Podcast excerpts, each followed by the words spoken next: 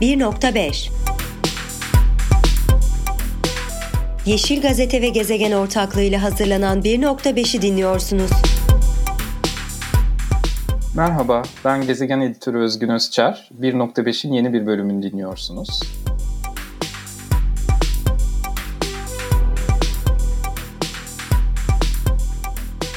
İklim krizinin bir ayağı bilimse bir diğer ayağı da hukuk. Bugün doğayı koruma çabalarının önemli bir kısmı hukuki yollarla yürütülüyor. Sağlıklı bir çevrede yaşamanın bir hak olarak tanımlanmasıyla birlikte de hukukçular doğayı kirletmeye ve yok etmeye dair yeni yasal tanımlara başvuruyor. Bunların başında da ekolojik kırım ya da ekokırım geliyor. Bunu konuşmak için bugün avukat Özlem Altıparmak'ı ağırlıyoruz. Özlem e, hoş geldin. Hoş bulduk Özgün, merhabalar. Merhaba, çok teşekkür ediyorum bu dar zamanında yine bize vakit ayırdığın için. E, ben teşekkür ediyorum davet için, benim için büyük keyif, çok teşekkürler. Ne demek? Ee, Özlem Altıparmak, e, insan hakları hukuku, çevre hukuku ve uluslararası ceza hukuku alanlarında uzmanlaşıyor.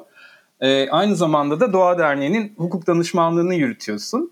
Bir de Ankara Üniversitesi'nde İklim ve Ekokırım Hukuk Kliniği'nin de koordinatörlüğünü yapıyorsun. Özlem, öncelikle şunu sormak istiyorum ekonomik kaygılarla doğaya verilen zararlar artık o denli sistematik ve o denli kasıtlı hale geldi ki tahribat veya kirlilik deyip geçmek çoğu zaman bizi tatmin etmiyor ve hafif kalıyor. Özellikle gazeteciler arasında sanki kendimizi tekrarlıyoruz gibi hissediyoruz. HES projeleri olsun, maden projeleri olsun zaman zaman ekokırım kavramına başvurulduğunu ben görüyorum. Ama sanıyorum bu kavramı biraz sorumlu bir şekilde kullanmak gerekiyor. Ekokırım kavramı ne ifade ediyor ve doğa savunucularına nasıl bir fayda sağlıyor? Şimdi ekokırım e, kavramına aslında biraz e, bu denli sarılmamızın sebebi doğaya verdiğimiz zarar için sadece işte çevresel bir zarar e, ya da bizim hukukumuzda düzenlenmiş gibi işte çevreye verilen zararda sadece kirleten öder ya da daha doğru bir ifadeyle belki uygulamadaki gibi ödeyenin kirlettiği bir ceza hukuku sistemi üzerinden aslında e, bir e, dönüşü işaret ediyor bence bu ekokurum e, tanımlanması. Ben biraz olaya şöyle bakıyorum. Yani insan öldürmenin bir suç olduğunu biliyoruz hepimiz ve ceza kanunlarında da bu ağır bir cezayla yaptırım karşılığını bulunuyor. Ama aynı zamanda soykırım diye de bir suç var ve bu soykırım suçuyla hiç kimse bir arada anılmak istemiyor bildiğimiz gibi. Yani bu kelimenin sadece kullanılıyor olması bile e, pek çok e, devlet politikasında ya da işte adılacak atım, adıl, atılan adımlarda e, bizi e, bir şekilde frenleyen bir mekanizma e, gibi oluyor. Yani örneğin işte e, e, sözde soykırım gibi kavramlar kullanılıyor. Yani bu kavramla birlikte anılmak bir utanç vesilesi oluyor. Ben ekokırımı biraz böyle görüyorum. Özellikle de uluslararası ceza yargılamasının gündemine girmesiyle birlikte e, aslında tabii seninle konuşuruz bunu. 1970'te ilk Olof Palme'nin e, kullanmasıyla giriyor. O da bu Amerika Birleşik Devletleri tarafından Vietnam'da portakal gazının kullanılmasıyla ilgili kullanıyor bunu. Bu bir ekokırımdır diyor. E, sadece savaş suçu yetmez bunu tanımlamak için diyor ve e, daha sonra bu kavram bir şekilde e, tedaviden kalkıyor öyle söyleyelim 1970'lerden bugüne kadar ve ben bunu ilk 2019'da katıldığım Uluslararası Ceza Mahkemesi Taraf Devletler Kurulu'nda duydum. E, Vanuatu bir e, Pasifik ada devletinin e, önerisiyle e, ve bu ekokırımı durdurun vakfının e, e, girişimleriyle. E, ve o günden beri de heyecanlandım. Tabii ki doğa savunucuları ve e, e, çevre mücadelesi veren herkese bu kavrama sarıldı. E, bizlerin olduğu gibi. Çünkü hiçbir şey yetmiyordu. Ama senin söylediğin şeye katılıyorum. Onun altını çizmek isterim. Bu ekokırımı biraz böyle her şeyde kullanmak e, kavramın biraz içinin boşaltılmasına da e, sebep oluyor. Yani çok ciddi, e, vahim bir suç olarak tanımlanmış ve hani biz e, biraz e, cezasız cezasızlık kültürünün de getirdiği bu sadece bizim ülkemizde değil tüm dünyada ki cezasızlığın getirdiği bir şeyle bir kavrama tutunmak, e, kendimize bir yol açmak istiyoruz. Biraz ekokırım da böyle yani e, caydırıcı olması bakımından biraz e, dikkatli kullanılması gerekiyor.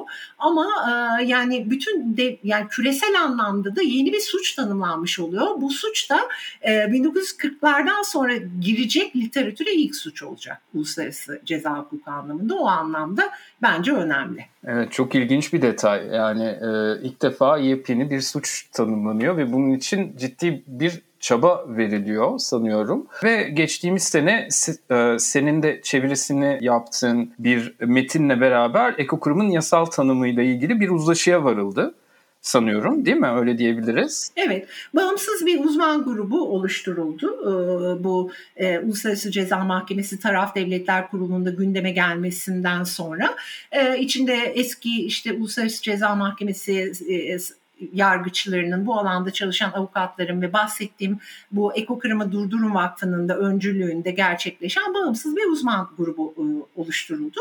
Ve onlar bir tanım, e, bir taslak e, çıkardılar ortaya. Biz de bunu Türkçe'ye çevirdik. Peki bu yasal tanımla beraber bu ekokurumun uluslararası alanda kabul edilen bir suç olarak tanımlanmasında hangi aşamaya gelindiğini düşünüyorsun ve netince alınma şansını ne kadar yüksek görüyorsun? Yani e, bir netice alınma derken uluslararası ceza yargılaması için belki genel bir şey söylemem gerekir. Uluslararası ceza hukuku e, devletlerin en kıskanç olduğu konudur. Yani egemenlik haklarına verilen en büyük e, müdahaledir. Cezalandırma yetkisinin bir başka yere tevdi gibi düşünmek gerekir bunu. Ve devletler bu konuda yani acayip bir pazarlık ve e, şey e, döner. Uluslararası Ceza Mahkemesi'nin e, kurulması da çok kolay olmamıştır zaten. Yani ilk e, demin sana söylediğim gibi 1902. Dünya Savaşı'ndan sonra bu Nürnberg yargılamaları, Tokyo yargılamalarıyla aslında bu ekokrim öncesi dört suç dediğimiz bizim insanlar karşı suçlar, savaş suçları aslında işte savaşın kazananlarının mağlup mağlupları yargıladığı bir şeyden doğmuş bir hukuktan bahsediyoruz biz. E, bu ceza hukukuna dair de bir şey olduğu için ceza hukukunun gündeme gelmesi Uluslararası Ceza Mahkemesi'nde 2002'de e, ceza mahkemesi kuruldu. Uluslararası Ceza Mahkemesi ve sınırlı sayıda e, suç için kuruldu. Dört tane e, suç için kuruldu. Mesela uyuşturucu ticareti diyelim ki aslında uluslararası bir suç olmasına rağmen Uluslararası Ceza Mahkemesi'nin yargısında değildir. Bunu şundan söylüyorum. Şimdi bu eko kırımı bunun kapsamına almaya e, çalışıyorlar. Bu aslında e, çevreye verdiğimiz e, tahribatın bütün uluslararası boyutta bir farkındalık yarattığını da e, gösteriyor. Yani neden biz bunu işte 2019'da böyle bir şekilde gündemde e, gördük yani soykırım gibi işte ne bileyim e, Elbeşir'in yargılandığı bir mahkemede gündeme gelmesi biraz aslında yaşadığımız e, dönemdeki iklim krizinin getirdiği e, bir şey diye düşünüyorum. Eğer mesela e, Çernobil'i düşünürsek yani Çernobil gibi bir felaket nasıl cezasız kaldı bu dünyada? Ben bazen onu düşünüyorum yani 19 yani korkunç bir felaketti ve hani buna dair hiçbir şey yapılmadı. Yani hiçbir şey yapılmadı. Bütün e, bizim topraklarımıza da sirayet etti. Havamıza, suyumuza hala etkisi devam ediyor. E, bu onun gibi bir şey yani bir e, suçun e, cezalandırılması. Elbette bu e, uluslararası literatüre girmesi e, kolay bir şey, bir şey değil. Yani mesela saldırı suçu bile 2002'de Uluslararası Ceza Mahkemesi yargılamaya başladı. 2010'da tanımlanabildi. Yani Uluslararası Ceza Mahkemesi'ne daha sonradan dahil oldu. Ekokırım da yani tartışılmaya başlandı ama ne zaman dahil olur ya da e, dahil olur mu? E, ya da çünkü bu aynı zamanda bağımsız bir uluslararası çevre mahkemesinin kurulması tartışmasıyla da birlikte giden bir husustu e, yani ayrı bir çevre mahkemesi, uzmanlaşmış uluslararası e, çevre hukukuna bakan bir mahkemenin kurulmasına dair de bir takım tartışmalar var. Ama bu uzmanlar bunu Uluslararası Ceza Mahkemesi kapsamına dahil etmek istediler. Çünkü yeni bir mahkeme kurmak çok daha zor bir süreç diye düşünüldü ve mevcut sisteme dahil etmek istediler. Bunun da bir takım artıları eksileri var. Hani Uluslararası Ceza Mahkemesi'nin çok politize olduğu söyleniyor. İşte e, e, güçsüz devletleri yargıladığı söyleniyor. Ne bileyim işte bazı yargılamaların Afrika'da vesaire olması nedeniyle. E, yani çok e, nasıl bir etkinlik olur bilmiyorum. Yani uluslararası politika e, işin içine gidiyor, devletlerin e, müzakereleri işin içine giriyor. Ama ben açıkçası bir ada devletiyle işte e, başka bir taraf devletin yani Vanuatu'yla örnek olarak söyleyeyim İngiltere'nin aynı oy hakkına sahip olduğu bir platformda taraf devletler kurulunda bunu tartışılmasını çok değerli buluyorum. Çünkü yani işte belli bir oylamayla gündeme geldiğinde bu, bu e, küçük devletlerinde e, taleplerinin dinlenmesine sebep oluyor diye düşünüyorum. Evet, dediğin gibi devletler egemenliğine giren konularda son derece çok korumacı davranabiliyorlar ama bunun ötesinde e, ekokırıma dair çok ilginç bir detay daha var. Sadece devletleri değil biraz küresel şirketleri de belki kapsamına alması belki söz konusu. Onu sana sormak istiyorum. Zira 2011 yılında Guardian'da bir habere rastladım. 2011 yılında Britanya'da yapılan bir dava simülasyonunda fosil yakıt şirketi yöneticileri ekokırımdan suçlu bulunmuş mesela. Bugün de e, acaba fosil yakıt üreticilerinin e, ekokırımdan yargılanıp yargılanmayacağı da gerçekten bir tartışma konusu. Bu anlamda e, ekokırımın iklim krizine karşı verilen, verilen mücadeleyi dönüştürebileceğini düşünüyor musun? Yani suç kabul edilmesi halinde fosil yakıt, madencilik, pestisite dayalı tarım gibi sektörlerde, alanlarda önemli bir koz haline gelebilir mi? Yani ben e, çok ciddi bir e, etkisinin olacağını düşünüyorum. Yani dediğim gibi bu suçla anılmak istememek, sadece bu tartışmanın başlaması bile eğer biz seninle bu podcast yapıyorsak bir, bir şey ifade etti herkese e, diye düşünüyorum ben özellikle şirketlere. Bir de ceza yargılamalarının şöyle bir özelliği vardır. Her ne kadar tüzel kişilikleri yargılama gibi bir şey yoktur mesela uluslararası ceza mahkemesinin ama o şirkette karar verici pozisyonda olan birisi elbette yargılanabilir ama hani bir tüzel kişiliği ceza mahkemesinde yargılayamazsınız. Ee, ceza mahkemelerinin şöyle bir özelliği var. Tamamlayıcı mahkemeler. Yani siz ulusal hukukunuzda bunu yargılamadığınızda ya da yargılamaya isteksiz olduğunuzda ya da göstermelik yargıladığınızda devreye girer. O noktada devletleri der ki sen bunu kendi topraklarında yargıla. Yani bu şuna sebep olacak diye düşünüyorum ben. Yani bir uluslararası ölçekte yargılanmak ya da bu işte kıskanç olduğu yetkiyi, egemenlik hakkını devretmek istemeyen ülkeler bunu kendi iç hukuklarında suç haline getirecekler. Yani ben en büyük e, şeyin buna sebep olacağını düşünüyorum. Nasıl bizim e, ceza kanunumuza soykırım suçu girdi? İnsanlığa karşı suçlar girdi. Yani bunlar e, en son ceza kanunu değişikliğiyle girdi. Zaman aşımı işlemez bu suçlarda dendi. Ben aslında uluslararası ceza hukukunu takip ettiğimiz kadar aslında kendi ülkemizde de böyle bir kampanyayı, böyle bir girişime, böyle bir e, suçun kendi ceza kanunumuza dahil edilmesini çok önemli buluyorum. E, sadece bizim ülkemiz değil işte Belçika'da e, çeşitli Avrupa ülkelerinde bu suç tanımı yapıldıktan sonra bir takım girişimler oldu kendi parti parlamentolarına yönelik. Özellikle ben Belçika'yı takip ediyorum. E, o yüzden ben e, Türkiye içinde aslında e, hem sivil topluma yani ortada da bir tanımın olması sebebiyle e, yol gösterici olabileceğini düşünüyorum. Yani bunu kendi işte yasama faaliyetiyle bir e, ceza e, e, kanununda bir iç hukuk normu haline getirmekte hiçbir sakınca yok. Çünkü bu sizin topraklarınıza girecek bir takım şeyi de engelleyecek bir suç aynı zamanda. Yani işte siz ekokırımı suç haline getirseniz başka bir ülkeden size gelecek işte Çernobil gibi bir felaketin etkisini de siz yargılayabilir duruma geleceksiniz. Ee, böyle bir şey diye düşünüyorum. Aslında biz bu şeyi de anladık. Sınır aşan şeyler çevre e, e, felaketleri. Yani müsilaj hiçbir zaman Marmara Denizi'nde kalmıyor.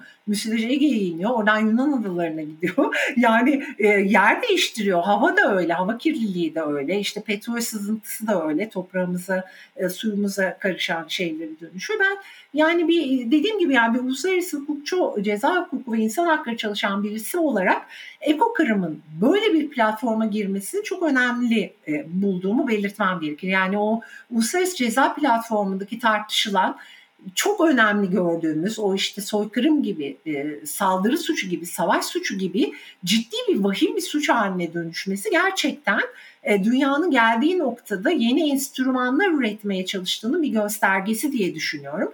Bir diğer konuyu da vurgulamak isterim. Ekokırım biraz bizim karma görüş dediğimiz yani antroposen hukuk bakışı yani insan merkezli hukuk bakışıyla eko merkezli hukuk bakışının karmasını bir araya getiren bir suç tipi gibi düzenleniyor. Yani sadece o insanın çevresine verilen bir zarar gibi değil de o e, çevrenin tanımı biraz daha ekosantrik bir tanım. Yani işte yer küre, doğa, e, işte uzayı bile kapsayan bir tanıma girmiş.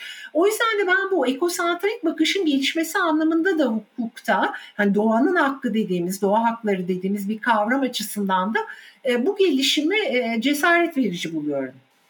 Aslında tam da ben bunu soracaktım. Değinmen çok iyi oldu. Çünkü hadi bugün Türkiye yargısının tarafsızlığı tartışılır ama hani çevre davalarında doğaya verilen zararın hani sadece yürütme durdurma kararlarından ibaret olmaması açısından ve bir suç sayılması açısından ekokırımın faydalı olacağını öngörebiliyor musun? Mesela müsilaj dedik hani daha somut örnekler verebiliriz ya da HES projeleri diyebiliriz. Ee, burada telafisi olmayan zararlar verildiğinde tüzel kişileri sadece işte belirli yönetmelikler ihlal edildi diye değil de doğaya karşı suç işlemekten dolayı yargılandıkları bir gelecek görebiliyor musun? Yani böyle bir gelecek görüyorum. Böyle bir geleceğe de umutla bakmak istiyorum. Çünkü bizim gibi hak savunucuları eğer umudunu kaybederse e, hakkı savunamaz hale geliyor. Biraz ona tutunmak gerekiyor bu ihtimali. Ben ekokırımı da gerçekten e, tutunabileceğimiz bir e, e, gelişme olarak görüyorum. Senin dediğin gibi yani çevre suçları dediğimizde bizim mevzuatımıza baktığımızda genellikle idari para cezalarıyla böyle sonuçlanan çok da ağır bir şekilde cezalandırılmayan bir suç tipinden e, bahsediyoruz. E, demin de söylediğim gibi yani ilk anlamında kirletenin e, e, neyse şeyi ödediği bir e, suç yaptırımından bahsediyoruz. Ekokırım gibi bir suç bence e, bizi daha doğayla kurduğumuz ilişkide e, daha adil bir e, düzene götürmeye hizmet edecek bir e, suç olacağını inanıyorum. Böyle umut ediyorum. Yani bunu görür müyüm bilmiyorum ama bu tartışmayı görmüş olmaktan dolayı mutluyum. E, o zaman son sorum e, olsun. Tabii eko kırım gibi kapsamlı bir suçtan yola çıkarak daha küçük çapta doğaya verilen zararların da suç sayılması halinde bunun caydırıcı olacağını düşünüyor musun? Özellikle şirketler açısından ve doğayı kirleten sektörlerde çalışan şirket yöneticilerin e, ve aynı zamanda onlarla işbirliği yapan belediyeler olsun, siyasetçiler olsun onlar açısından daha caydırıcı olacağını düşünebiliyor musun? Yani ben e, kesinlikle böyle düşünüyorum. Mevcut sistemde böyle bir caydırıcılığın olmadığını da düşünüyorum. E, yani dünyada şimdi böyle naming and shaming gibi insan haklarında mesela kullanılan yeni şeyler var. Bu eko kırımın da aslında böyle birlikte anılmamayı caydırma anlamında çok büyük bir etkisinin olacağını düşünüyorum. E, ve çevreyi korumak, işte doğayı korumak adına bu suçun Türkiye'de de tanımlanması ve tüm dünyada uluslararası alanda da tanınması e, konusunda yürütülen kampanyaları ve bütün çabalara destek olmamız gerektiğini düşünüyorum. Sadece bir hukuksal sorun olarak da görmüyorum ben bunu. E, yani hukuksal sorunları bir çare olarak da görmüyorum. Doğayla kurduğumuz ilişki ve bir e, hak savunusu anlamında da oldukça önemli bulduğumu, e, sivil toplumun da bu konuda e, dikkatini çekilmesi gerektiğini düşünüyorum. Özlem çok teşekkürler. Konunun hem içeriğine hem de güncel tartışmalar ışık tutan bir söyleşi oldu. Çok teşekkürler ve başarılar diliyorum bu alandaki çalışmalarında. Çok teşekkür ediyorum. Yani oldukça önemli bir konuya değindik. Biraz kapsamlı bir konuydu. Beni de heyecanlandıran bir konuydu. Umarım keyifli bir şekilde anlatmayı başarabilmişimdir. Çok teşekkürler tekrar Özlem. Haftaya yeni bir bölümle görüşmek üzere. Hoşçakalın. Podfresh teknik altyapısıyla hazırlanan 1.5'i dinlediniz.